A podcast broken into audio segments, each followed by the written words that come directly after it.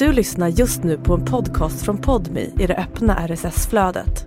För att få tillgång till Podmis alla premiumpoddar helt utan reklam, prova Podmi Premium kostnadsfritt.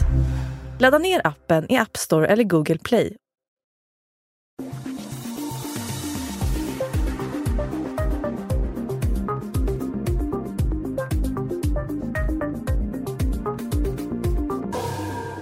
2009 avlossas två skott i skogen utanför Fagersta.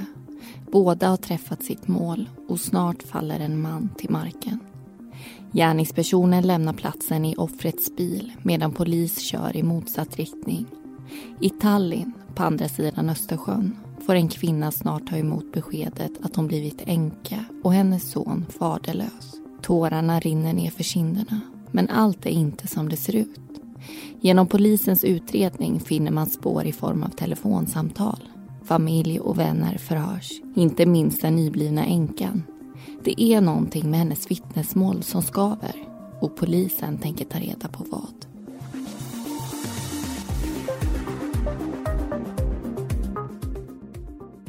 Du lyssnar på Mordpodden, en podcast om den mörka verkligheten i månadens premiumavsnitt ska du få höra berättelsen om miljonmordet.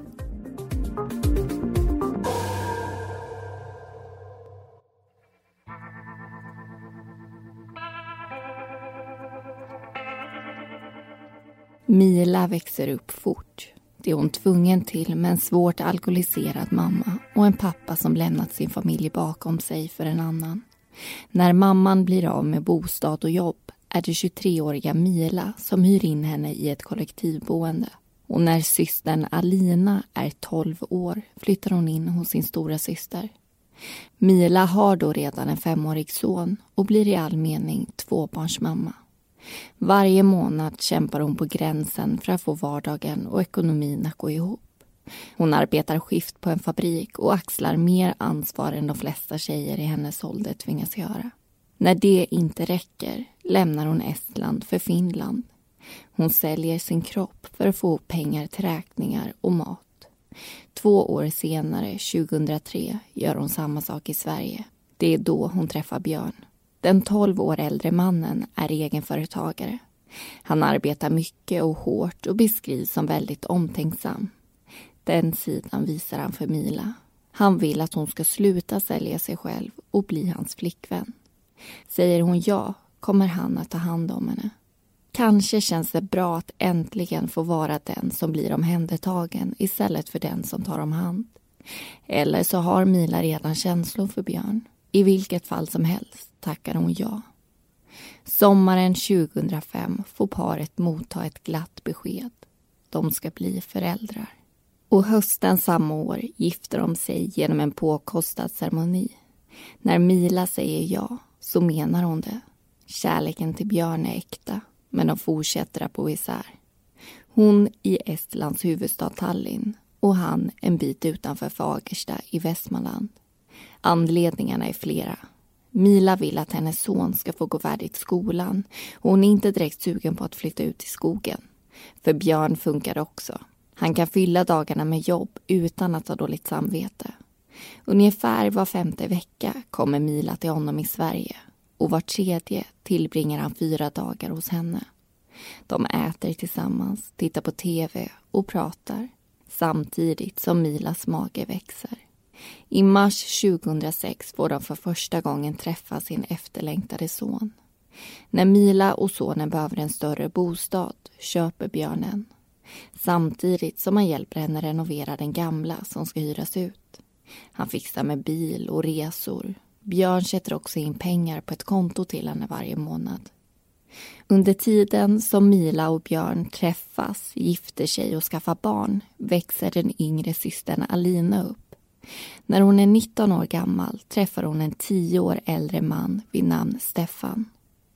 Han är het i humöret men också kärleksfull och humoristisk. Alina får veta att han har ett kriminellt förflutet men när hon frågar om det säger han att det man inte vet har man inte ont av. Det han döljer är en bilstöld som han begick när han var 18 år och den tid i fängelse han tillbringade som följd. Stefan döljer också någonting annat. Sin exflickvän Katja. Katja och han gick isär samma år som han träffade Alina. Hon 15 år äldre än honom. De tillbringade lång tid tillsammans innan uppbrottet. Även om Stefan säger att de bara är vänner känner Alina av att det finns känslor mellan de två. Alina kommer väl överens med sin svåger. Hon tyr sig till Björn och han tar i sin tur hand om henne. Alina har inte något jobb, men Björn ger henne ett i sitt företag. De pratar om pojkvännen Stefan, som snart också blir Alinas man. Björn tycker inte om honom. Hans förflutna i kombination med att han varken har ett arbete eller någon egendom målar inte upp den bild Björn vill se. Han tycker att Alina förtjänar bättre. När de två männen träffas undviker Björn att hälsa på Stefan. De talar inte samma språk, men det märks ändå att Stefan ignoreras.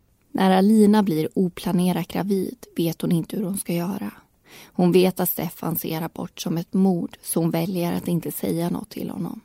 Däremot pratar hon med stora syster Mila som säger att hon stöttar henne oavsett vad hon väljer.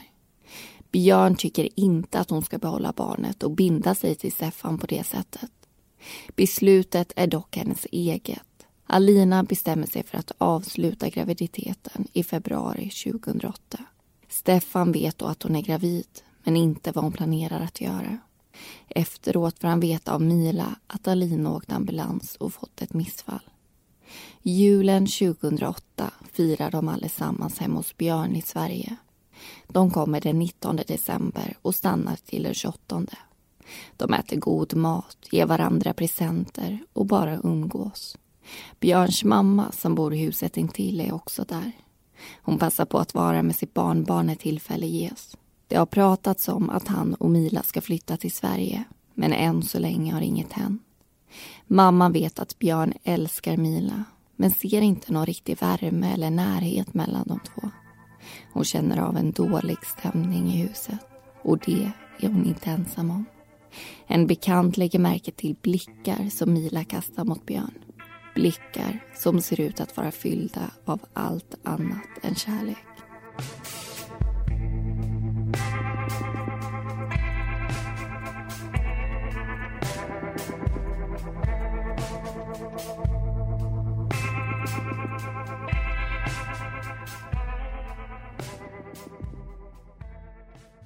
Och då vill vi välkomna er in i diskussion 1 utav miljonmordet. Berättelsen som vi just hörde ger oss alltså bakgrunden till det här fallet och vi får lära känna de här personerna som är involverade lite bättre och förstå deras relationer till varandra som vi ofta gör i våra avsnitt. Och innan vi dyker tillbaka in i berättelsen för att se hur det här utvecklas så ska vi prata om Björn och vi ska prata om hans ekonomi. Björns föräldrar startade ett företag inom energibranschen tillsammans som de drev under många år som Björn sen tar över. Det är ett väldigt framgångsrikt företag med en relativt stor omsättning. Mamman jobbar fortfarande kvar i det tillsammans med Björn och de bor grannar med varandra en bit utanför Fagersta medan pappan flyttar till ett äldreboende. Björn har inga syskon. Han är alltså föräldrarnas enda barn. Förutom företaget då så har Björn sitt hus som är värt någonstans mellan 3 och 4 miljoner kronor. Han har också två bostäder i Stockholm och en av dem äger han tillsammans med sin mamma. Och när han och Mila blir tillsammans så försörjer han henne. Varje månad så får hon ett slags underhåll av honom. Det vill säga att hon jobbar inte utan det är han som fixar med bostad i Estland, han fixar med fordon till henne och även resor både fram och tillbaka till Sverige men också utomlands när de åker iväg någonstans. Och han skämmer inte bara bort henne utan även Alina och senare också sin son. Och frun och han de har faktiskt till viss del skild ekonomi. När de gifte sig så skrev de ett äktenskapsförord och i det här förklaras det att det enda som de äger tillsammans det är huset i Sverige där Björn bor. Allt som är vid sidan om det, alltså företag, extra bostäder, lösöre, det är liksom vardera persons egendom och kommer förbli det även om de skulle gå skilda vägar.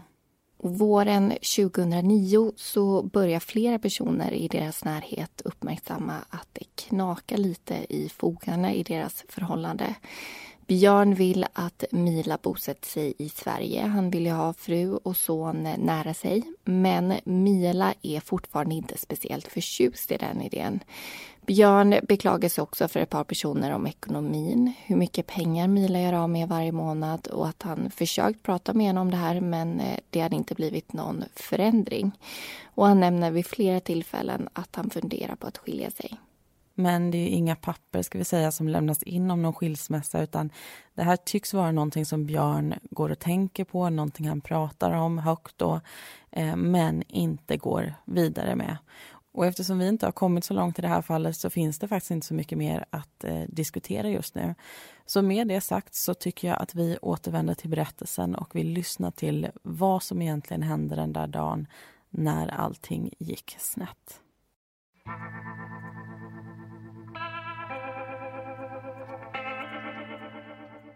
På måndagsmorgonen den 27 april vaknar Björn tidigt. Han klär på sig och går över till mammans hus som ligger 150 meter ifrån hans eget. De äter frukost tillsammans som de brukar. Sen inleds jobbdagen. Björn är definitionen av arbetsam. Han startar tidigt på morgonen och jobbar ofta till sent på kvällen för att få så mycket som möjligt gjort. Mitt på dagen äter han lunch med sin mamma och under eftermiddagen när de är på kontoret säger han att han ska åka ut till sågverket för att jobba med bark som ska bli till biobränsle. Han tror sig vara hemma igen runt klockan åtta. Mammans jobbdag slutar tidigare och hon åker hemåt. Hon och Björn äter middag tillsammans varje kväll. När klockan är runt den bestämda tiden ringer hennes telefon. Det är Björn. Han berättar att han ska åka till Fagersta och lossa last också. Sen kommer han hem till henne för att äta smörgås och fil. Björn dyker till slut upp och mamma och son spenderar en stund tillsammans innan dagen börjar lida mot sitt slut. Björn säger att han är så lortig att han ska hem och ta ett bad. När han klivit ut genom dörren sätter mamman på tvn. Kort därpå är en av Björns grannar ute och cyklar med sin hund. Han passerar Björns mammas hus när han plötsligt hör fotsteg på andra sidan en skogsdunge. Klockan är mellan nio och tio på kvällen. Skymningsljus råder och grannen ser inte vad som pågår. Däremot hör han ett ljud, ett kvidande som tycks komma från en människa. Han kopplar ihop ljudet med panik, nöd och stark press. Som om personen försöker få fram mer men inte förmår sig. Sen hörs en smäll. Grannens första tanke är att det är en påsksmällare men det låter skarpare än så. Några sekunder senare hör han Björns ytterdörr slås igen och sen en bil som startas. Han spanar i den riktning som ljudet kommer ifrån och ser en kombi som backar och sen rivstartar. Han hinner se en bokstav i registreringsnumret. Sen är bilen borta. Grannen går i den riktning där smällen hörts och snart ser han en kropp. Han ropar men får inget svar. Sen hämtar han en annan granne och de konstaterar att personen inte är vid liv. De ringer efter polis och lite drygt en kvart senare dyker de upp. Polis och ambulans anländer samtidigt. När dödsfallet bekräftats spärras området av och vittnen genomgår ett första förhör. Man förstår snart att offret är 45-årige Björn som bor i ett hus ungefär 100 meter därifrån. Han ligger dock på gräsmattan till ett annat hus, hans mammas. Det är sent när det ringer på mammans ytterdörr. Till en början vill hon inte öppna men när hon förstår att det är polisen trycks handtaget ner. Hon får veta att en person är död. Tankarna går direkt till Björn. När beskedet kommer har hon dock svårt att förstå att det verkligen är hennes son. Hon har inte hört några skott och de sågs ju alldeles nyss. Medan polisen i Sverige tar de första stegen in i en förundersökning kontaktas deras kollegor i Estland. Dagen efter Björn hittat stöd knackar de på hemma hos Mila. Hon får veta att hon just blivit änka och att hennes son inte längre har en pappa. Några svar på varför finns ännu inte, men polisen letar för fullt. Björns hus liksom brottsplatsen dokumenteras och gås igenom av kriminaltekniker. Man kan snabbt dra en slutsats. Det är ingen som har ringt på dörren och attackerat Björn när han öppnat. Det finns inga uppbrutna fönster eller dörrar. Men det finns fotspår inne i huset som varken tillhör Björn eller poliserna. Frågan är om den personen blivit inbjuden eller tagit sig in själv. Inte med våld, men kanske med en nyckel. Fotspåren på golvet visar att Björn kommit in genom groventrén, gått vidare till köket och sen uppför trappan. Där tycks han ha fallit omkull med en flaska i handen innan han rest sig och lämnat huset genom huvudentrén. Flykten tycktes ha mammans hus som mål, men han hann aldrig fram. På tröskeln till huvudentrén hittas ett blodigt avtryck som måste vara gärningspersonens. Utgår man ifrån det kan man också se hur denna person rört sig i huset. Skoavtrycken går från lådor till skåp och garderober i ett sökande mönster. Men de finns också runt en stol placerad intill ett sovrumsfönster på övervåningen. Stolen ser ut att ha flyttats dit och när kriminalteknikerna tittar ut ser de Björns mammas hus. Det verkar som om gärningspersonen suttit där och väntat, spanat i den riktning som Björn senare skulle komma ifrån. Ett avtryck på glaset kommer från en hand och en lutande panna. Förutom skospåren hittar man också fingeravtryck, blod och Björns bil. Bilen står parkerad en bit därifrån på en rastplats intill riksväg 66. Medan teknikerna gör sitt jobb får deras kollegor ett annat. Att prata med Björns familj, kollegor och bekanta. Få insikt i hur hans liv såg ut och söka efter ett eventuellt motiv som skulle kunna föra dem i gärningspersonens riktning. Än så länge finns bara teorier, men de undersöks alla noggrant. Bland annat om mördaren är kopplad till Björn genom affärer. När Efterlyst tar upp fallet får polisen flera nya tips. Men det är inte de som kommer leda till nästa genombrott. Det är telefonmaster. För att se vilka som befunnit sig i området den natten hjälper Rikskriminalpolisen till. Snart har man hittat något som sticker ut. Ett tidigare okänt telefonnummer har ringt till Estland. Kollegorna på andra sidan Östersjön kontaktas ännu en gång. De får i uppdrag att prata med Mila, Alina och Stefan. Mila berättar att hon var i Sverige mellan den 30 mars och 6 april. Det var sista gången hon såg Björn. Bara några dagar efter mordet skulle makarna anlänt till Tallinn. Men nu blev det inte så.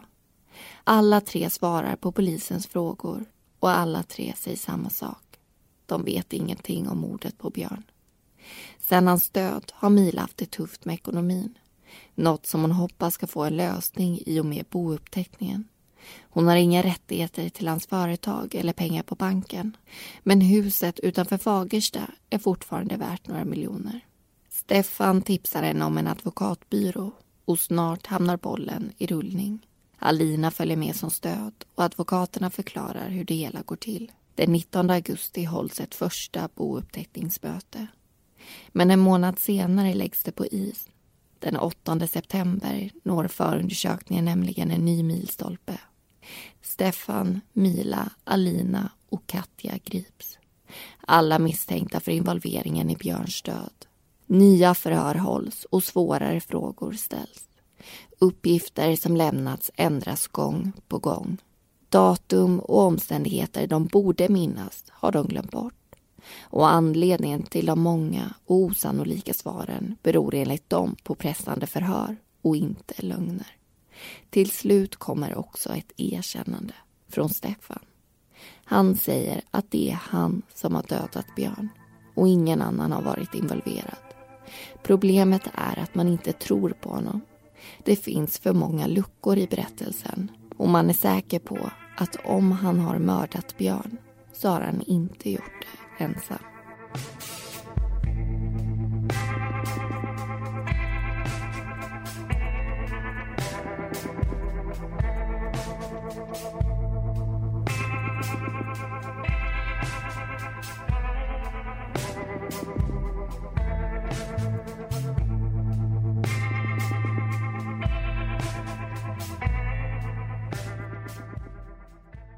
Fyra personer sitter alltså häktade misstänkta för involvering i Björns död vid det här tillfället. Och sen får polisen även det här erkännandet.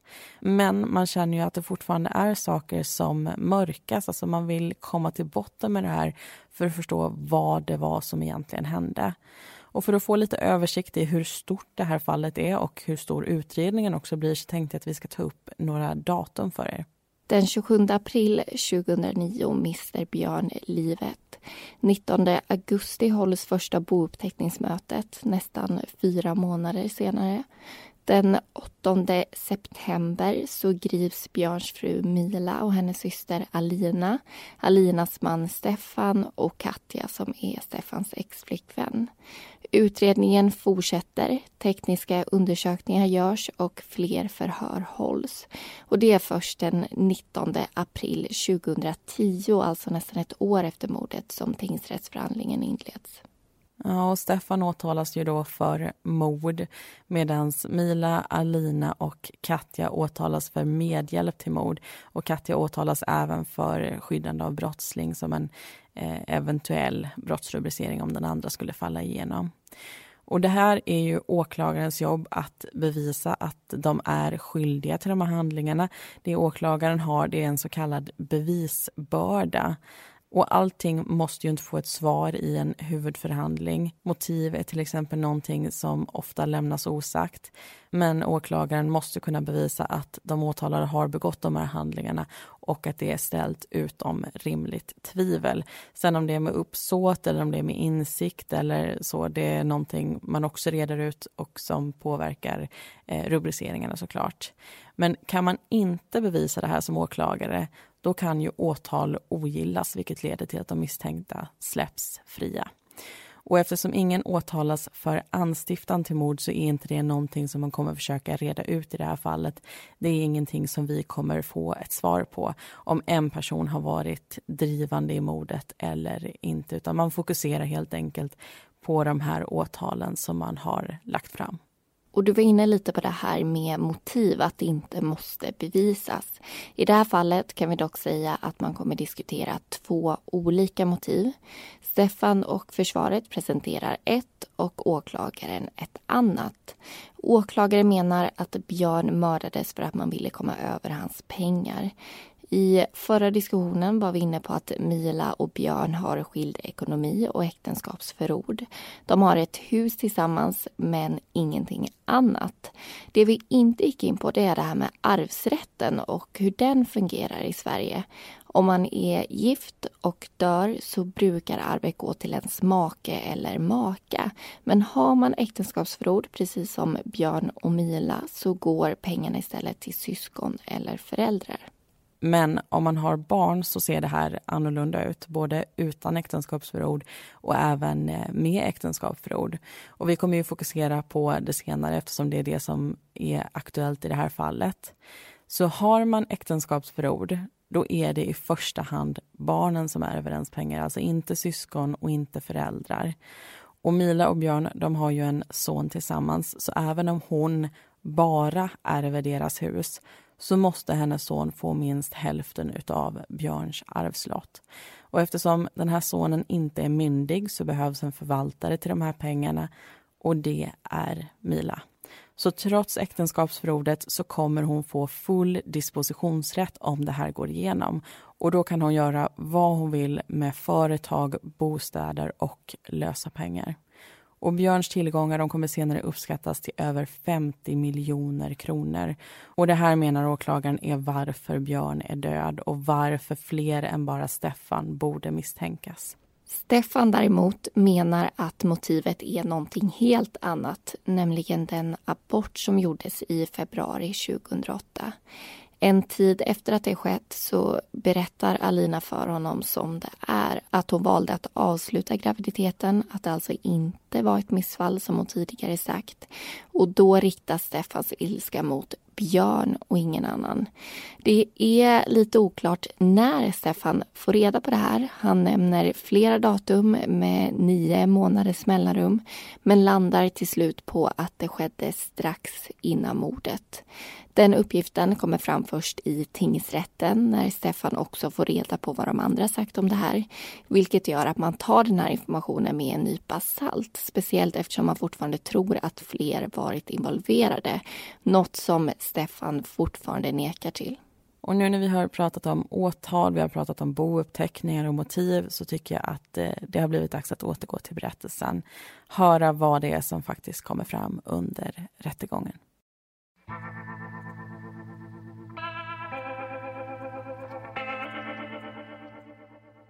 Förundersökningen blir till åtal. Åtal till huvudförhandling. Den 19 april 2010 sitter åklagare och målsägande mitt emot försvarsadvokater och tilltalade i en tingssal. Rättens ordförande berättar hur det hela kommer gå till och att förhandlingen kommer pågå under flera veckor. Mila, Alina och Katja nekar till det de står åtalade för medan Stefan erkänner dråp. Åklagaren börjar därefter med sin sakframställan det vill säga att man går igenom det som ligger till grund för åtalet, förundersökningens resultat och åklagarens teori. Det tar hela dagen och en del av nästa. På åhörarsidan finns en reporter som live-rapporterar åt Västmanlands läns tidning. Reporten beskriver att Mila ser oberörd ut medan systern Alina är rödgråten. Åklagaren berättar om omständigheterna i fallet att Mila och Björn träffades, gifte sig och skaffade barn. Att Björn ville att hon skulle flytta till Sverige, men Mila nekade och det fick Björn att fundera på skilsmässa. Något som skulle få förödande konsekvenser för Mila som varje månad försörjdes av sin man. Pengarna gick dessutom inte bara till henne själv utan även till hennes familj. Åklagaren berättar att Stefan må vara den som höll i vapnet men att det finns fler som är skyldiga till Björns död. När det blir de tilltalades tur att prata så låter det så här. När Stefan får reda på att Björn haft en åsikt i hans frus abort blir han arg. Han blir så arg att han bestämmer sig för att göra något åt saken. Han fixar ett skjutvapen och börjar ruva på en plan. I slutet av april ska han åka till Sverige och göra sig av med den man som förstörde hans familjelycka. Men för det behöver han hjälp. 2005 gjorde Milas expojkvän inbrott i Björns hus. När Mila sa att hon inte hade något med det att göra valde Björn att tro på henne. Stefan vänder sig nu till sin svägerska och säger att han vill göra samma sak. Bryta sig in hemma hos Björn och sno pengar. Något som Mila går med på. Hon vet att hennes make brukar ha ganska stora summor hemma. Någonstans mellan 20 och 60 000. Tar de inte allt så kanske han inte ens märker det. Stefan lånar Milas GPS för att hitta dit och frun Alina hjälper honom hyra en bil. Själv delar han ut mobiltelefoner med nya kontantkort som de ska använda för att kontakta varandra. Hans vanliga mobil får stanna hemma. Den har Alina fått order att ringa till så att Stefan får ett alibi. Han vet hur han ska ta sig in i huset. I dörrfodret vid grovantrén finns en nyckel. Det är bara en sak som fattas. En chaufför. Ex-flickvännen Katja har skjutsat på honom förut. Hon ställer alltid upp. Och ännu bättre, hon ställer aldrig några frågor. Den 26 juli kliver Stefan och Katja på en färja. Snart försvinner hamnstaden och ersätts med vatten. Färden går över Östersjön till Stockholm. När de kommer fram är det måndagsmorgon. Björn är på jobbet och de sätter sig i den himmelsblå Nissan Micra som Alina fixat och kör västerut. Någonstans längs vägen kör de fel och hamnar i Täby. Katja går in på en bensinstation, köper ett simkort och en karta. Under tiden pratar Stefan i telefon. Först med Alina och sen med Mila. Färden fortsätter och runt klockan tre på eftermiddagen är de framme vid Björns hus. Det enda Katja får veta är att hon ska vänta. Inte vid huset, utan en bit därifrån. Hur lång tid det kommer ta vet hon inte. Katja kör iväg, men vänder efter en bit. Kanske är hon nyfiken på vad det är som Stefan ska göra. Hon parkerar utanför huset och får snart möte av en bil. Hon böjer sig ner och låtsas leta efter något i handskfacket. Efter en stund kör Katja iväg igen. Hon åker till en bensinstation och köper dricka och sen tillbaka till mötesplatsen. Under tiden har Stefan plockat på sig nyckeln till huset, låst upp grovantrén och smugit in. Samtalen med Mila och Alina har övergått till sms. Han letar efter pengagömman, men hittar den inte. Mila pratar med sin man i telefon och berättar sen för Stefan när han planerar att komma hem. Stefan ringer till Katja och säger att hon får vänta lite till. När klockan är efter nio på kvällen hör Stefan de välbekanta ljuden av någon som kommer hem. Han gömmer sig bakom en soffa på övervåningen medan Björn plockar fram något att dricka och ger sin katt mat. Sen går han mot trappan. När han kommit till det nionde steget kliver Stefan fram. Han yttrar inga ord, bara höjer vapnet och kramar avtryckaren. Skottet träffar och Björn faller ihop. Men så reser han sig igen och springer ner för trappan, ut genom ytterdörren och mot mammans hus. Han korsar ett fält med mindre skogsdunge. När han bara har ett tiotal meter kvar bränner det andra skottet av. Det träffar i nacken och han dör med en gång. Stefan bryr sig inte om att undersöka utan vänder direkt på klacken. Han springer tillbaka in i Björns hus, upp på övervåningen och hämtar sin ryggsäck. Sen plockar han på sig Björns bilnycklar och kör snabbt därifrån. Bilen parkeras på en rastplats och Stefan kliver ut, skiljer magasinet från skjutvapnet och slänger båda delarna i en sjö. Sen ringer han Katja som kommer och hämtar honom. De kör till Stockholm tillbringar natten i huvudstaden och beger sig till färjeterminalen nästkommande dag. Färjan lämnar Sverige först på kvällen och de är tillbaka i Estland på onsdagsmorgonen. Trots att alla fyra varit insatta i utflykten till Sverige är det ingen av kvinnorna som kopplar ihop Björns död med Stefan. Att han varit där just när det hände, återvänt utan några pengar, agerat skrikig och nervös i samtal därefter är ingenting de reagerar på. Mila, Alina och Katja förklarar alla att de var helt ovetandes. De fick visserligen reda på det någon eller några månader senare men det betydde inte att de gick till någon polis eller bröt kontakten med Stefan. Mila visste till och med vad han hade gjort när hon bad honom om förslag på advokat. Något hon i huvudförhandlingen ska förklara som att hon var rädd för honom.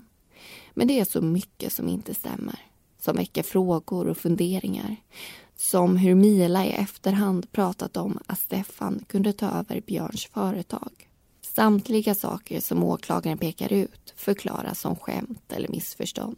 När övriga vittnen hörs och den fysiska bevisningen läggs fram kan man också se att flera av de uppgifter som lämnats varit lögner.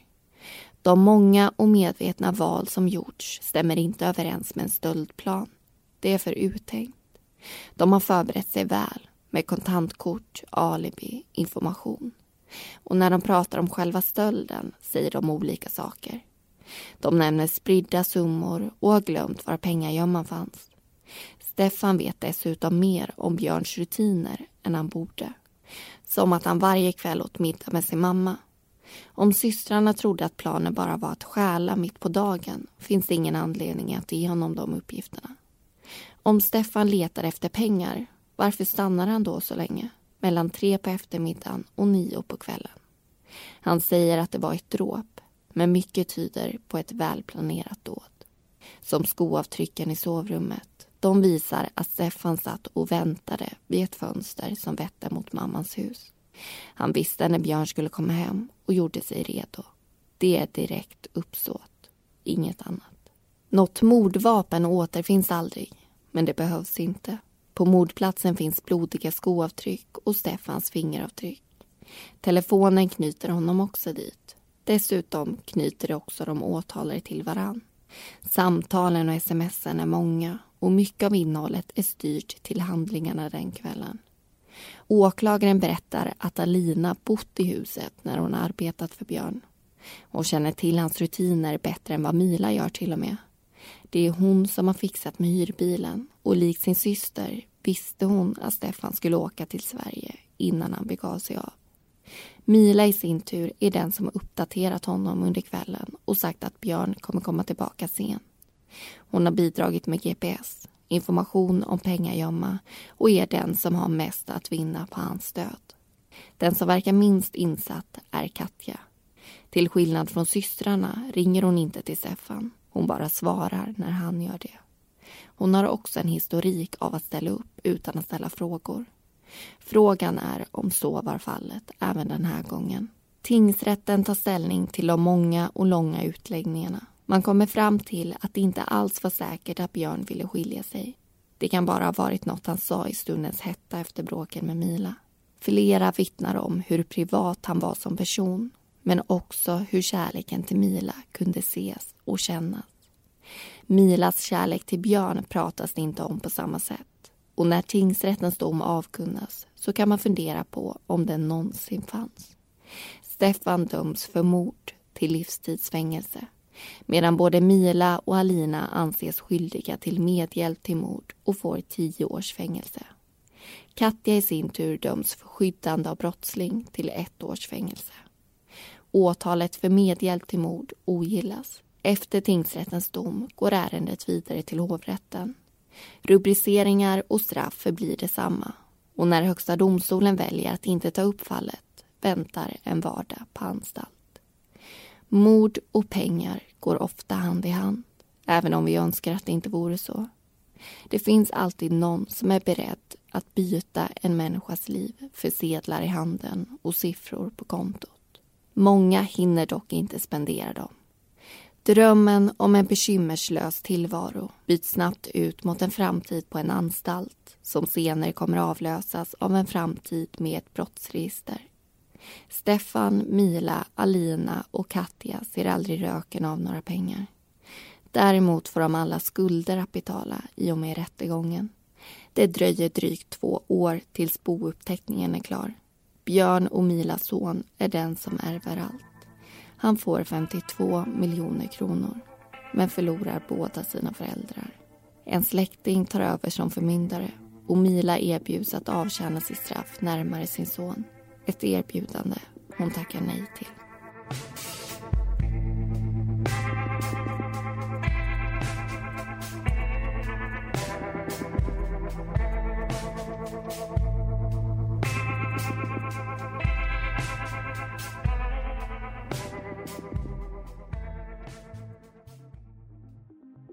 För att du har lyssnat på det här avsnittet. Alla personer heter egentligen något annat och informationen är hämtad ifrån domarna i fallet och artiklar från Västmanlands läns tidning, Expressen och SVT. Nästa månad är vi tillbaka med ett nytt premiumavsnitt. Var med oss då.